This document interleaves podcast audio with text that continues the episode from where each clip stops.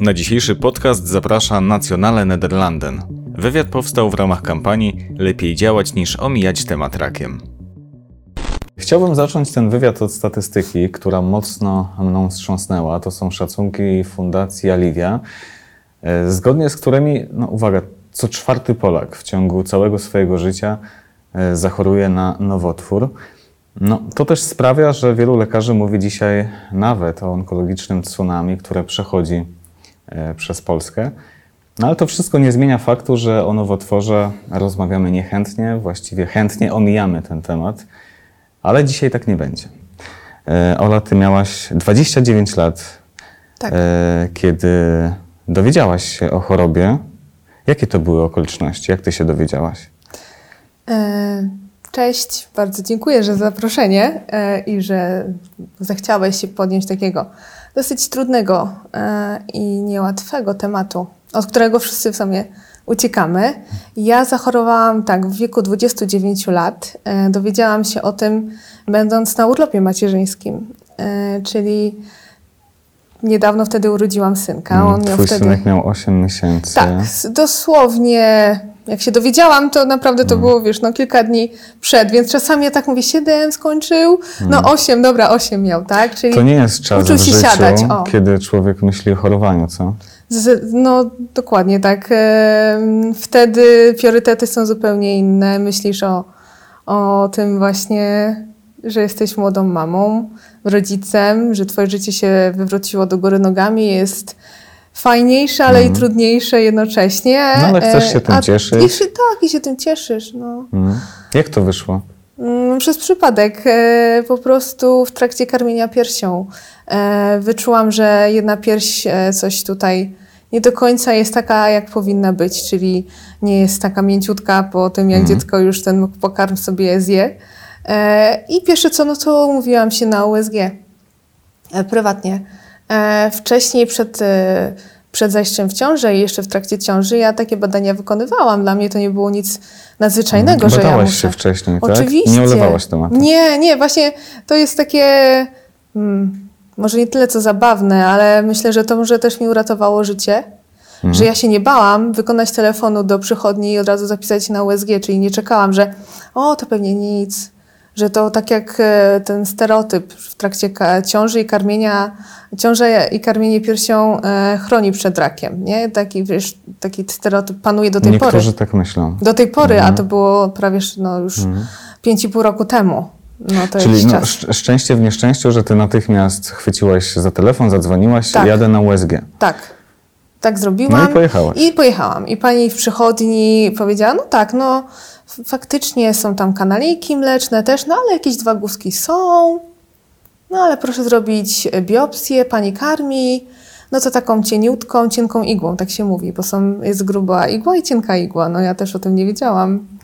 W ogóle byłam w temacie onkologicznym zielona, bo u mnie w rodzinie nikt nigdy nie chorował. Nie, nie mam obciążenia genetycznego ani rodzinnego. Mm. To E, też jest ważna informacja. tak, to też jest ważna Niektórzy informacja. wychodzą z założenia, że jeśli nikt w rodzinie nie chorował, no to te To szanse są bardziej. niewielkie. To tym bardziej. Ja jeszcze byłam z tych takich e, fit mom, czyli naprawdę e, nie tyle co za wszelką cenę, ale no właśnie naturalność, karmienie piersią, e, powrót do ćwiczeń, czyli ćwiczenia z dzieckiem, e, nie były mi owce i nawet do tej pory gdzieś tam znajduję jakieś takie filmiki, gdzie ja ćwiczę, podnoszę ciężary, Mhm. a Franiu sobie siedzi w bujaczku, nie? I to jest takie, no, więc żadnych nałogów, palenia papierosów, picia alkoholu, no naprawdę, jeżeli ktoś by powiedział, że nagrzeszyłam, to ja zawsze odpowiadam, że no właśnie nie, Nie zdążyłam, zupełnie. nie Mhm. zdążyłam Mhm. nagrzeszyć tak konkretnie, nie? A żałuję, powinnam, bo wtedy bym powiedziała, dobra, no swoje zrobiłam, nie? No to mogę chorować, no.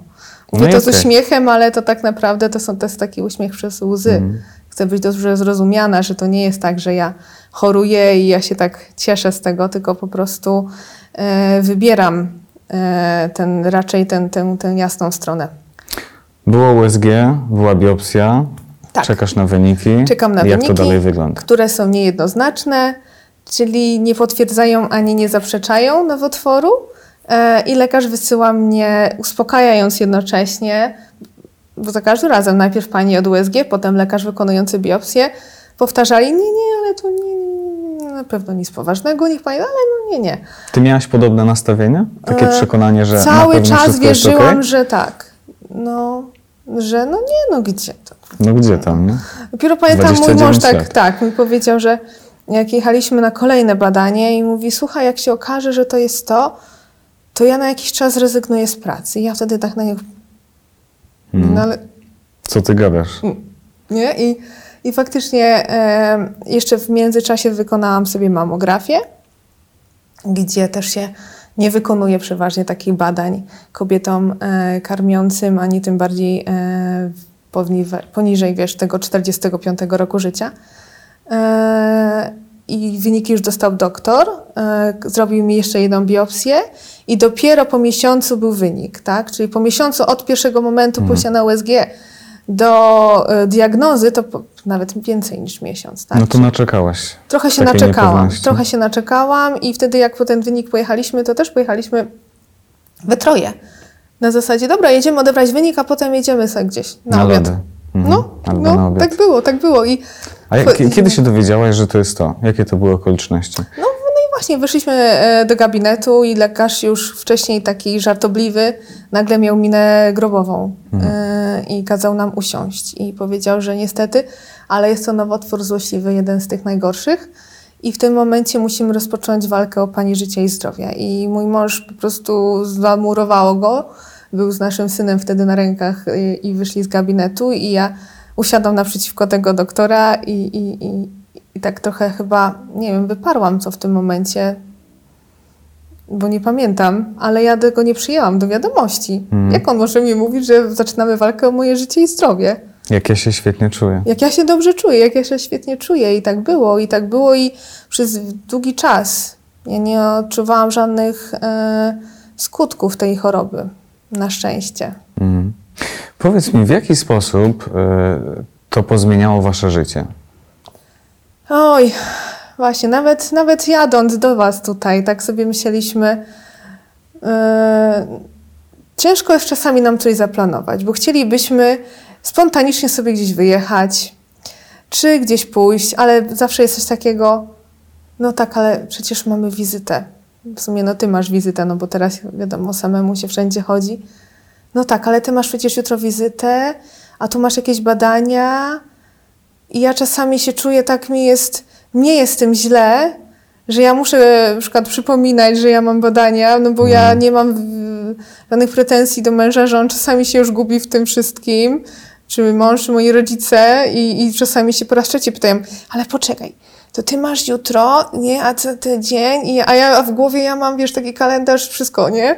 Cz- Czasami sobie muszę zapisywać i, i to jest to, czyli to ustawianie życia pod Okej, czyli życie właściwie trzeba dostosować. dostosować pod, a poza tym staramy się żyć jak najnormalniej Mhm.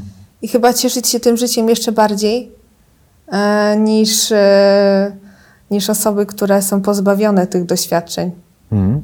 A jak najbliżsi powiedz, jak, jak znajomi? Bo często Mhm. mówi się, że, że taka diagnoza skutkuje tym, że człowiek zostaje sam. Że jakoś y, no, ludzie boją się tego słowa, Boją się. e, no. boją się tej diagnozy, tak jakby y, bali się, że się zarażą. Tak, trochę jak trendowaty. Jakie Tak. są Twoje e, obserwacje? Jak to było w Twoim przypadku? No, ja początkowo dostałam ogromne wsparcie od, e, od znajomych, e, od przyjaciół e, i to było naprawdę takie wzruszające, mm, że no, nie czułam się samotna. Mhm. Ale mimo wszystko e, ta choroba jest, e, jest chorobą e, taką samotną, bo wszyscy w koło e, na początku ci właśnie kibicują, martwią się, dzwonią, a jak ta moja e, podróż już trwa lata, to już ludzie się, wiesz, niektórzy przyzwyczaili, nie? Mhm. I to jest takie, a no tak, zresztą ona choruje, albo wręcz e, myślenie, że no dobra, my tu gdzieś jedziemy, wyskoczymy sobie, no nie, I ja już wiadomo, że ja nie będę za każdym razem, słuchajcie, ja nie mogę, bo ja się źle czuję, Mhm. albo już nie pójdę na jakąś imprezę, no bo ja już, no niestety, 22, no nie jest to moment dla mnie, tak? Czy... Czyli niektórzy dochodzą do wniosku, że Oli to już nie pytajmy nawet, O, o, tak? o, właśnie. I tak Mm. było też w pewnym momencie i, i jest takie coś, że oni to już, no i to jest takie przykre, że życie tak omija. E, że cię tak omija i ja myślę, I masz w taki ogóle, bunt w sobie czasami. że, że w ogóle to jest niełatwe pod tym względem, że no też niewiele się o tym mówi, tak jak zachowywać się wobec, Mhm. wobec osób chorujących na nowotwór. E, No chociażby kwestia włosów, które ty gubiłaś, tak? E, Ktoś zna cię wiele lat, e, miałaś zawsze długie włosy, nagle spotykacie się, nie masz włosów. Jak się zachować, Ola? Mm. Jak się do tego odnieść? Udawać, że, że tego nie ma, czy, czy, czy To też czy zależy, powiedzieć? prawda? Mm, To też zależy od tego, w jakiej relacji jesteś z tą osobą, nie? Bo jeżeli jesteś w relacji dosyć takiej koleżeńskiej, nawet takiej facebookowej, no to gdzieś, e, gdzieś tam e, ci się może przewinąć wcześniejsze, powiedzmy, zdjęcie i możesz się do takiej rozmowy przygotować. E, A jeżeli jest to osoba, miałam taką sytuację, że nie widziałam się tam z jakąś tam znajomą, wiesz, lata i gdzieś tam, gdzieś tam e, przy kasie w sklepie, w markecie, wiesz, i wtedy miałam perukę na sobie, taką prostą, długą, nie, tak mi odpaliło, że sobie taką kupiłam. I było takie nagle, wiesz, krzyk w, w kolejce. Boże, Ola, jakie masz teraz długie włosy, o Jezu, nie poznałam cię, nie? I, i, a ja tylko się, wiesz, delikatnie uśmiechnęłam, wiadomo, nie wchodziłam w jakąś e, w jakieś rozwinięcie tematu i dopiero potem ta osoba, wiesz, pisze ci na komunikatorze, Boże, przepraszam, ale to jest akurat odbierane. No, bardzo pozytywnie. tak, ciężko byłoby nie, mieć absolutnie pretensje. żadnych- Tak. nie mam pretensji Mhm. do takich e, sytuacji. E, może jak e, było mi czasami przykro, jak, jak już miałam powiedzmy po raz e, trzeci e, byłam, byłam e, właśnie ścięta i e, właśnie ktoś tam e, powiedział, jakiś tam chłopak, a no co ty, tam się tam przyzwyczaiłem, że ty tak wyglądasz, nie? Mhm. No i tam żadna różnica dla mnie i to było takie... Kurczę, Dla ciebie to była dziewczyną, różnica. nie? Mhm. Jestem naprawdę dziewczyną. Mm, No, ale to jest takie coś, że wiele osób e, niedotkniętych e, tym tematem powie ci to tylko włosy, nie przejmuj się. E, I ja się z tym zgadzam. Oczywiście, ja się z tym zgadzam. Ale emocjonalnie to zrób sobie tak. To stań przed lustrem i się zgól. Mhm. I tak zgól się razem z brwiami, e, tak z dnia na dzień. Tak z dnia na dzień, tak? E, nawet mężczyzna dozna, dozna szoku, nawet chłopak, nie? Z całą pewnością, tak. Nie?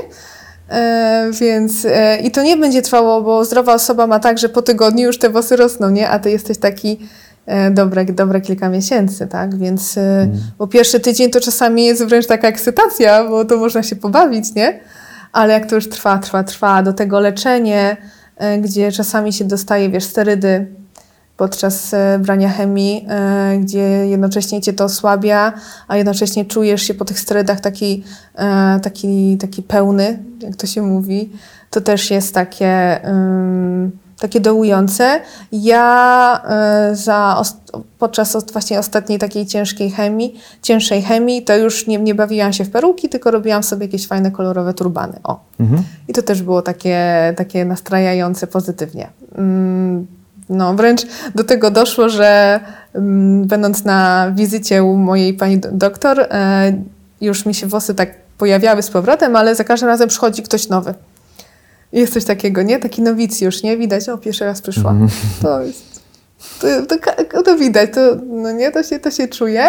I zawsze są jakieś takie pytania, ktoś szuka jakichś odpowiedzi. I wręcz ja staram się wtedy e, te, tą osobę nie na zasadzie zdołować, że słuchaj, będzie ci trudno, będzie ciężko, Boże, nie, to jest ta, taki, taki właśnie taka, taka, taka otchłań. Nie, nie, nie. Nic z tych rzeczy. Nie można też oszukiwać, ale też nie można przekoloryzowywać ani przenosić swoich emocji na tą osobę. Ja pamiętam... Każdy przechodzi inaczej. Tak, tak. Ja wręcz pamiętam, wzięłam od tej dziewczyny, słuchaj, masz szalik? Masz. No to ja stanęłam, wiesz, zawinęłam turban, nie wiem, słuchaj, takie coś można zrobić, nie? I już te panie, że o kurczę, no nie, no fajnie i można się tego pośmiać, nie? A powiedz mi taką rzecz, bo e, też pewnie wiele osób zastanawia się, czy w ogóle poruszać ten temat, czy, czy jakoś odnosić się do, do Twojej choroby. Czy Ty lubiłaś, kiedy ktoś pytał, podpytywał, oczywiście subtelnie, delikatnie, czy może e, czułaś się lepiej, kiedy ktoś e, pomijał ten temat, udawał, że on nie istnieje, że nic się nie zmieniło? Jak jest lepiej? To jest też e, indywidualne. Mhm. Na pewno udawanie, że nic się nie stało, że tej choroby nie ma, tak od początku. No to wydaje się głupie, To nie? też jest przykre, nie? Bo nagle czujesz, no bo tak, ty to przeżywasz, to jest nagle cały twój świat. No i świat twojej najbliższej rodziny, no bo to mówią psychoonkolodzy, mówi się tak, że choruje cała rodzina. I gdy nagle powiedzmy jesteś w towarzystwie, e, ja nie oczekuję, że każdy będzie podchodził i się pytał, jak się czujesz, jak się czujesz, jak się czujesz, no bo to, To mogłoby być też męczące po No jakimś właśnie, czasie. no, no powiedz to Tak. E, więc, e, więc, ale też takie udawanie, e, że, że, że tak naprawdę no super jest, nadal jest super, nie? Że, że ty jesteś jak piórko i mogłoby cię tu nie być, to też nie jest fajne. Myślę, że w moim przypadku jest tak, nie wiem, powiedzenie dwóch zdań. Jestem z tobą, Mm. Mm, albo takie nawet, wiesz, takie werbalne, albo przytulenie, takie, wiesz, poklepanie po plecach. Mm. I czasami nie, i wystarczy tylko spojrzenie w oczy, nie? I, i naprawdę wystarczy. Mówisz powiedzenie jestem z tobą, jest ok, a często mówi się w takich sytuacjach, no bo człowiek ma dobre intencje, Ola będzie dobrze. Jak ty przyjmowałaś No te słowa?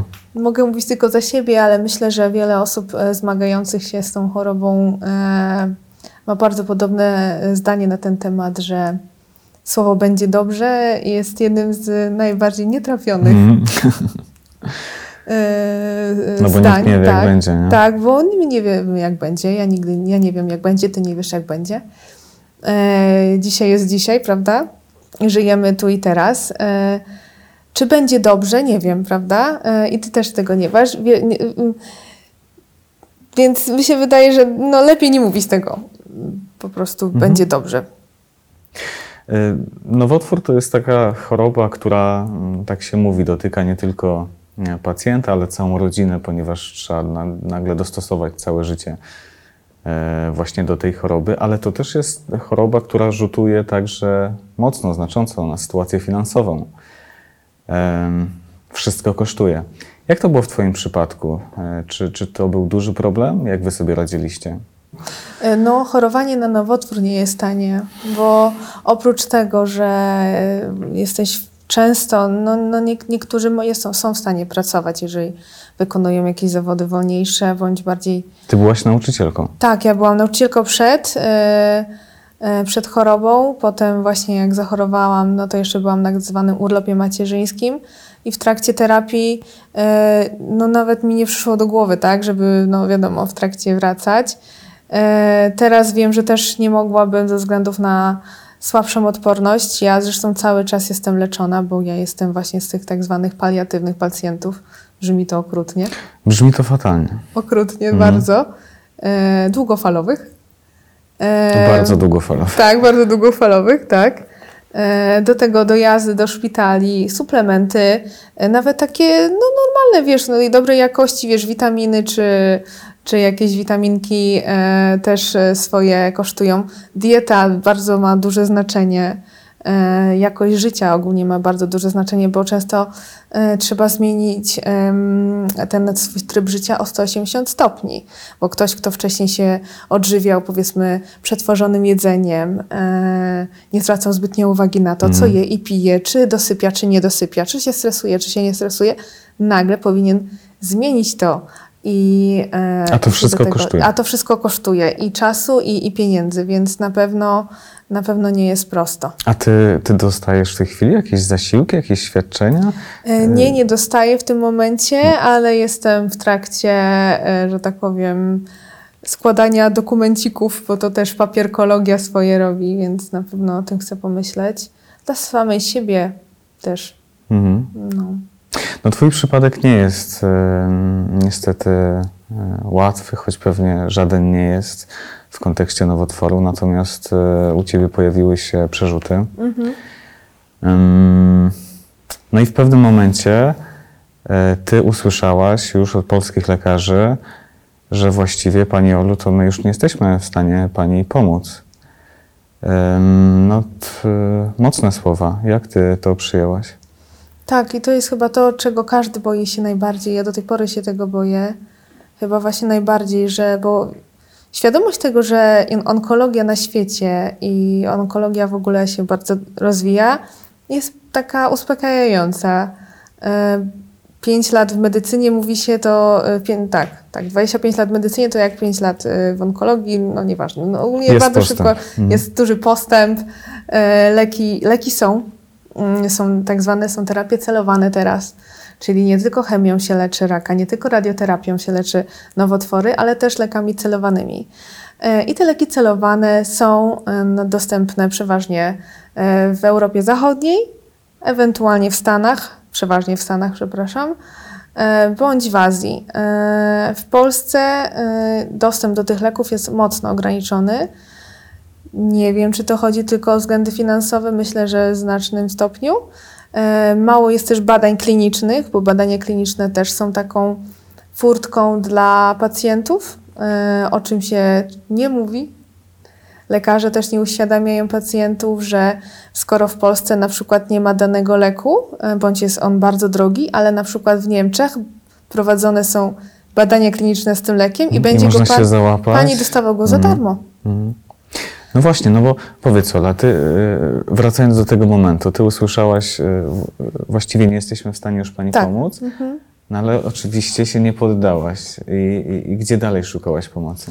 Tak, zaczęliśmy szukać pr- pomocy przez internet, bo ja wtedy dostałam tylko adres strony internetowej i z wykazem e, szpitali, znaczy nawet nie z wykazem szpitali, po prostu takiej, taką e, wyszukiwarkę tych badań, gdzie musieliśmy my wszystko sami sobie wyszukać i wpisać, Czyli samodzielnie szukałaś badań klinicznych, Tak. na które mogłabyś się załapać. załapać gdzieś na zachodzie. gdzieś na zachodzie, ale też właśnie i odezwały się w Stany, ale to trzeba byłoby tam się przeprowadzić na jakiś czas i e, zmienić e, życie o 180 stopni, ale też znaleźliśmy w Europie na szczęście i e, wyjechałam do Hiszpanii.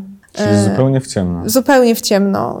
Y, Nie znałam, nie znam hiszpańskiego na takim poziomie, żeby też się tam porozumieć. Znam Ale tylko znasz język. angielski, który uratował Tak. ci życie, bo, Tak, bo to jest świetny przykład, który właśnie tak jak ja tak e, mówię. No. pokazuje, że, że dobrze było ten angielski znać. Nie? Tak, tak. Właśnie jak mam jakąś okazję prelekcji zrobić z, z młodzieżą, to też im to mówię, że słuchajcie, uczcie się angielskiego, bo mi to życie uratowało, bo ja już nie musiałam szukać e, pośredniej osoby. Wtedy już znacznie ograniczyłam e, i wiadomo finanse i czas, tak, że już To też kwestia pewności przechodziło siebie, przez siebie. Tak, Że zdecydowanie. miałaś odwagę e, po tę pomoc sięgać. Tak, no i polecieliśmy. E, Miałam tam po prostu wizytę e, z lekarzami, którzy powiedzieli, że jak najbardziej z chęcią mi pomogą. Byli wręcz wzruszeni tym, że dziewczyna z Europy Wschodniej e, wykonała taki wysiłek i przyleciała, bo to było w 2017 roku. Mhm. No. A jak wyglądało tam to leczenie w Hiszpanii? Czym ono się różniło? Mówiąc tak szczerze, to nie różni się ono zbytnio niczym niż to leczenie takie standardowe w Polsce. Jedyne co to jest e, najważniejsze, czyli lek, który ja tam dostawałam w ramach badań klinicznych, a w Polsce on był niedostępny. Ja go tam Mhm. dostawałam e, w ramach e, badań, czyli dostawałam go za darmo. Nie płaciłam za niego. I, I też takie poczucie tego, że jeżeli dany lek, powiedzmy, będzie działał toksycznie na organizm bądź nie zadziała, to zawsze było tak spokojnie, Aleksandra, no ale my mamy jeszcze inne badania. Mhm, I okej. tak to trwało. Y, Ja na początku tam mieszkałam te dwa i pół miesiąca. Mieszkaliśmy z, razem z synkiem i, i z moją mamą, y, która pomagała mi wtedy, y, bo leczenie było mocne. Y, Ja wtedy tak niecały rok po skończeniu pierwszej, e, pierwszego cyklu chemii dostałam drugi, czyli e, wtedy już mnie rozłożyło na łopatki. Faktycznie nie miałam siły. E, Nie miałam siły na nic. E, A jeszcze był to taki moment przewrotów hiszpańskich, gdzie tam ludzie, wiesz, wychodzili na ulicę i ja tak opowiadam, że to tak, e, tak się wydaje, wszędzie dobrze, gdzie nas nie ma, nie? Nam się wydaje, o, byłaś w Barcelonie, No mieszkałaś tak. w Hiszpanii, pewnie jadłaś tapas na śniadanie obe- i kolację przepijałaś Nie z zawsze winem. wygląda tak jak na pocztówkach. Tak, i to jest, E, A tak. powiedz Ola, jak, już jak na dosyć przykład tego raju. nastawienie lekarzy, czy, czy dokładnie tak jak w Polsce, czy może nieco inaczej, jak szpitale, Mhm. czy może super nowoczesne, czy tak samo jak tu? Jasne. E, Wydawać by się mogło, że Zachód i mamy tutaj wyobrażenie, że to jest super nowoczesny szpital z przeszklonymi drzwiami i e, pr prywatną opieką. Absolutnie nie. Był to szpital uniwersytecki. e, jeden z na szczęście z lepszych w kraju, gdzie korytarze niczym się nie różnią, wręcz mi się wydaje, że nie jeden polski publiczny zakład opieki zdrowotnej ma lepiej zagospodarowany i za e, takie no, czystsze korytarze, Mhm. mówiąc, e, mówiąc prosto. E, ale jeżeli chodzi o lekarzy, tam mnóstwo było pacjentów. Ja też czasami czekałam na wizytę 3 godziny, 4 godziny, bo tak, tak wiele było osób, ale lekarz przez te 3-4 minuty w gabinecie poświęcał ci uwagę 100%. Nie zajmował się takimi już e, tutaj biurokracyjnymi papierkami. Miał od tego tam wygląda to tak, że powiedzmy są dwa gabinety naprzeciwko siebie i po środku em, pani jest taka sekretareczka, y, która ma swój e, swoje biurko i, i ona zajmuje się wypełnianiem wszystkich dokumentów, a lekarz już się wtedy może zająć pacjentem. No myślę, że polscy to lekarze było też naprawdę chcieliby w takich takie super. pracować. Nie? Tak, to było super ja też e, mam ogromny szacunek zarówno dla hiszpańskich, jak i polskich lekarzy, bo oni też dają z siebie wszystko. E, czasami po prostu nie mają już czym nas leczyć i leczą nas czym tylko mogą, więc to absolutnie nie mam tutaj ja żadnych zastrzeżeń do lekarzy. Raczej tutaj nasz system e, jest zawodny. Ile chemii przyjęłaś? Liczyłaś? Wiesz co, liczyłam ostatnio w marcu. To Kilkanaście? E, e, to, ja, to będzie nie tak. Siedem e, cykli po jakieś chyba średnio 10, 7 chemii. E, tak, e, w sumie wszystkich wlewów razem właśnie z, z tą teraz herceptyną, którą biorę, to chyba będzie już tak z 80 parę. Poważnie mówisz? Tak, non stop. Ja maksymalnie miałam przerwę właśnie takie 2-3 miesiące od, le, od y, tak zwane wakacje od leczenia. No i w ciągu pół roku cztery operacje. W ciągu tych pięciu lat chyba z pięć biopsji. Miałam też biopsję wątroby. Da się przeżyć. Miałaś też niestety e, mastektomię. Miałam. No, sporo przeszłaś. Powiedz mi, y, mm, który z tych etapów choroby był dla ciebie mm, najbardziej dotkliwy? No? Najbardziej dotkliwy, mi się, mi się wydaje, był ten ostatni, e, ostatni rok. E, Wtedy, kiedy musiałam wrócić do Polski e, na początku 2020 roku, pandemia nam zamknęła nam drzwi przed swobodnymi wyjazdami. Tam w Hiszpanii też nie mogłam już dostawać leków, ponieważ choroba zaczęła mm, progresować, czyli przerzuty na płucach się powiększały. Tam e, sponsorzy leków e, chcieli, żebym ja powiedzmy miała meldunek tam, czyli musiałabym się tam przeprowadzić już na, na stałe, Mhm. mm, czego zrobić za bardzo nie mogłam. Mm, Wróciłam do kraju, guzy na płucach rosły, zdecydowałam się na operację, czyli nie dość, że byłam osłabiona, łysa i e, w tych, e, po tych operacjach i wtedy chyba mnie to uderzyło. Że, że zamiast coraz lepiej, to. tak, to jest gorzej i mam takie zdjęcie, tak, w, e, w głowie teraz swoje, jak jestem po tej operacji pierwszej płuc, stoję i e, robię sobie taki znak siły, nie? I takie zdjęcie, bo ja sobie sama przed sobą mówię,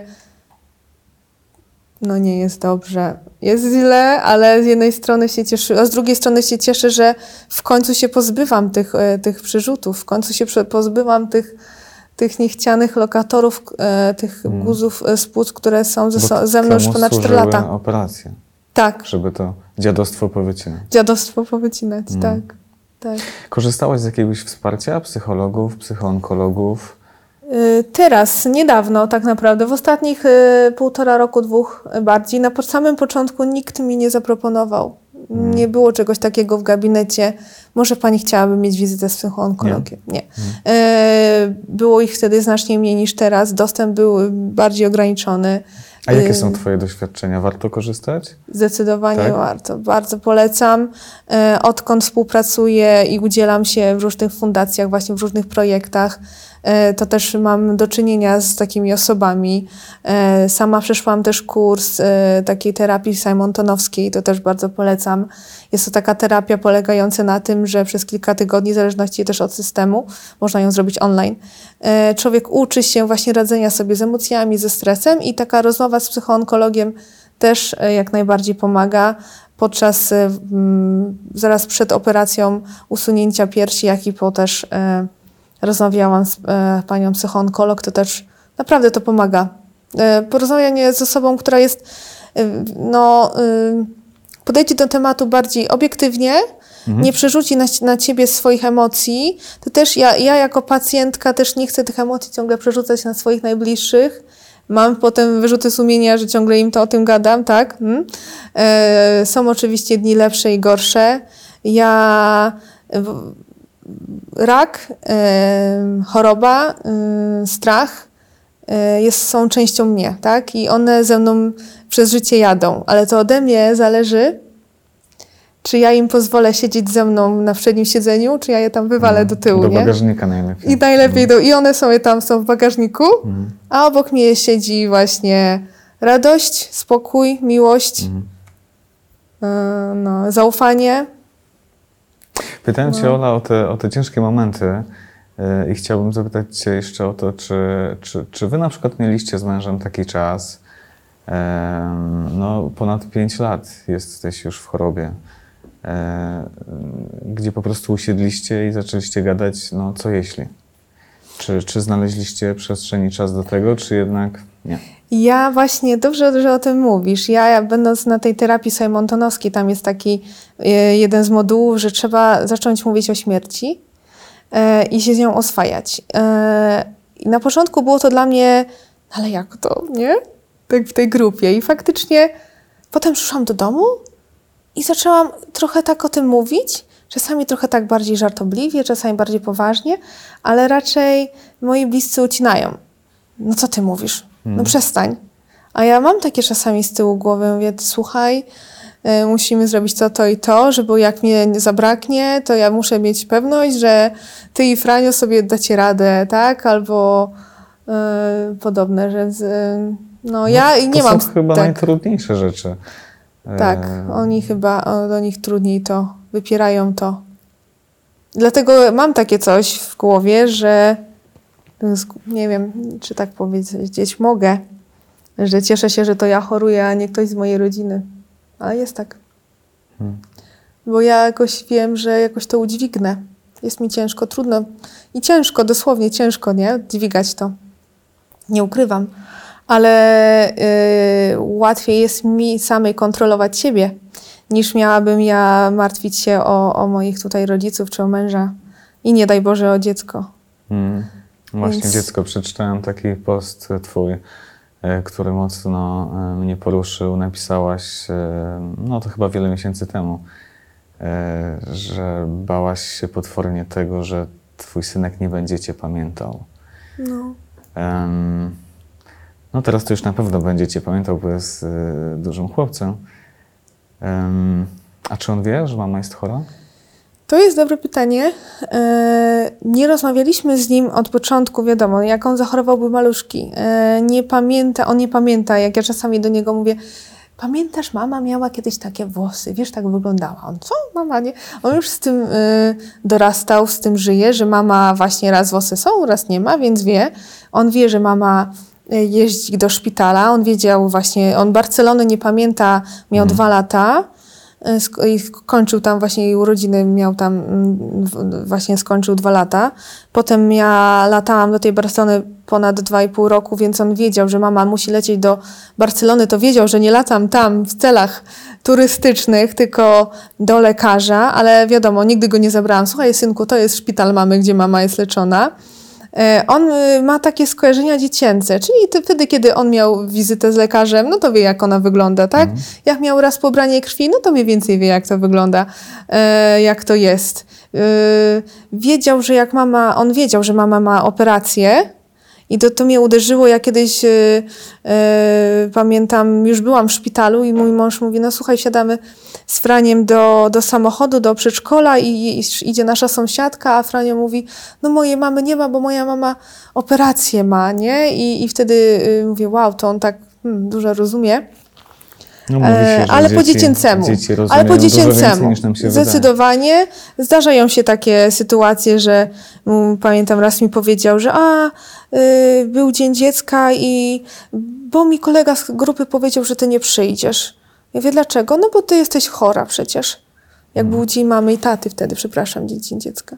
I to też takie było, czyli y, więc te dzieci gdzieś tam wiadomo, mm, będą, będą mu tutaj y, go uświadamiać, ale on sam w sobie nie ma czegoś takiego, że słuchaj, no mama ma raka, no bo po co ja mu, co, co to mi da, jak ja mu powiem, że mama ma raka, tylko w nim ogromny lęk y, się wydaje stworzy, y, a, a samo to, że mama po prostu jest i mama się dobrze czuje teraz, jest okej.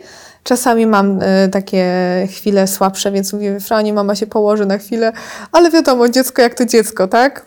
Mhm. Ale znając Ciebie, to tylko chwilę, bo jesteś wyjątkowo pozytywną osobą. I taka też byłaś wcześniej. E, Tego choroba absolutnie nie zmieniła.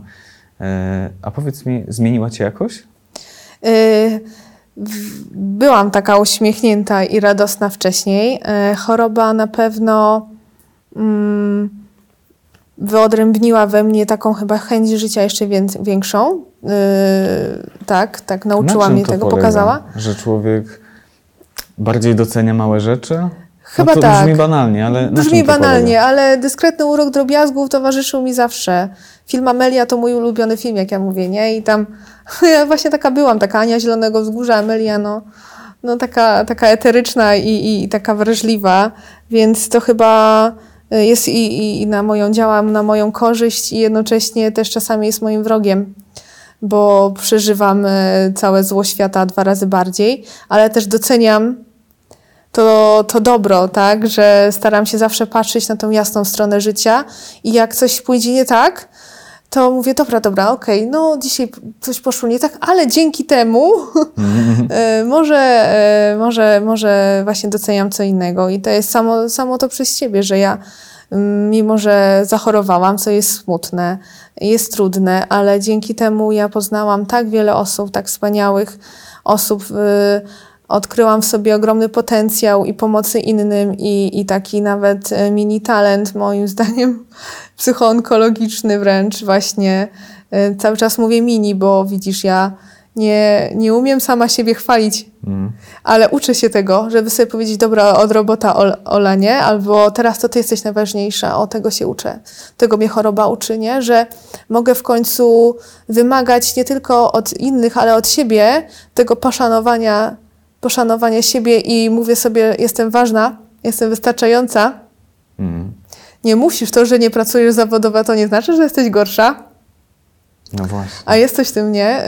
Y, Że ta niezależność finansowa jest ogromnie istotna i daje nam poczucie, daje nam poczucie wartości, y, bo przeważnie to, co niesiemy, takie, czyli właśnie pieniądze, wygląd, tak? To, to wydaje nam się, że jest najważniejsze, a tak naprawdę to najważniejsze jest to zdrowie, bo zresztą to sobie każdy poradzi jak chce. Y, Kiedy rozmawialiśmy przez telefon, powiedziałaś mi też y, coś takiego, że dzięki tej chorobie wiem, co jest w życiu najważniejsze. E, To może na koniec Cię jeszcze zapytam o to, co jest najważniejsze. Dla mnie najważniejsza jest rodzina, spokój, zdrowy sen i to poczucie bezpieczeństwa. Jestem jak trochę jak takie małe dziecko. W ogóle ci, co e, zmagają się z jakimś takim ciężkim, mm, ciężkim, ciężkim doświadczeniem, to chyba tak mają, że chcemy być e, troszeczkę tak ukołysani. Chcemy właśnie czuć się, że nie jesteśmy sami. mm, na pewno, ale to, że ja sama w sobie jestem silna. Nie wiedziałam, że jestem taka silna, jak mówi Bob Marley, nie? że Mm. dopóki nie, że bycie silnym nie jest twoim jedynym wyjściem. Nie wiesz, na ile jesteś silny. Więc coś w tym jest na pewno, ale zdrowie i rodzina to jest to. Mhm. To prawda. To są takie prawdy, które do, przeważnie ludzie osiągają, wiesz, w wieku 60 plus, 80 plus, 90. 80 plus. I ja tak mam czasami takie wrażenie, że jak rozmawiam z kimś takim młodszym, co ma, e, który, ktoś, kto ma 20 parę lat, to sobie myślę tak z tyłu głowy, matko, on pewnie myśli, że jak, jak Mhm. staruszka gadał, nie? Ale no... Ale tak naprawdę trochę tak to jest, taką sobie to tajemnicę uświadomić już. wcześniej. Tak, ale, E, ale korzystać z życia na pełnej petardzie i naprawdę cieszyć się nim, bo nigdy nie wiemy, co, wiesz, jest za rogiem. Ola, wiesz oczywiście, czego Ci życzę. I tego bezpieczeństwa, i tego, żeby bliscy byli, no i przede wszystkim, żeby to dziadostwo się całkowicie odkleiło, chociaż już jest dobrze, tak? Mam nadzieję, Jest że jest stabilnie. że będzie tak. Właśnie ja boję się mówić, e, znaczy ogólnie w medycynie konwencjonalnej nie ma czegoś takiego, że ja już e, wyzdrowieję całkowicie, nigdy już do szpitala nie będę musiała e, chodzić, jeździć na wizyty ani brać żadnych leków, ale samym w sobie dla mnie już zdrowiem jest to, że ja żyję, funkcjonuję, normalnie e, się zachowuję, że jak się na, ze mną rozmawia, no to przeważnie jest tak, no w życiu bym nie powiedział. Więc to też jest takie pozytywne, No, nie? ja też bym w życiu nie powiedział. Dziękuję Ci pięknie Ja za dziękuję. tą rozmowę, dzięki za spotkanie. Dzięki. Partnerem wywiadu była firma Nationale Nederlanden, inicjator kampanii Lepiej działać niż omijać temat rakiem.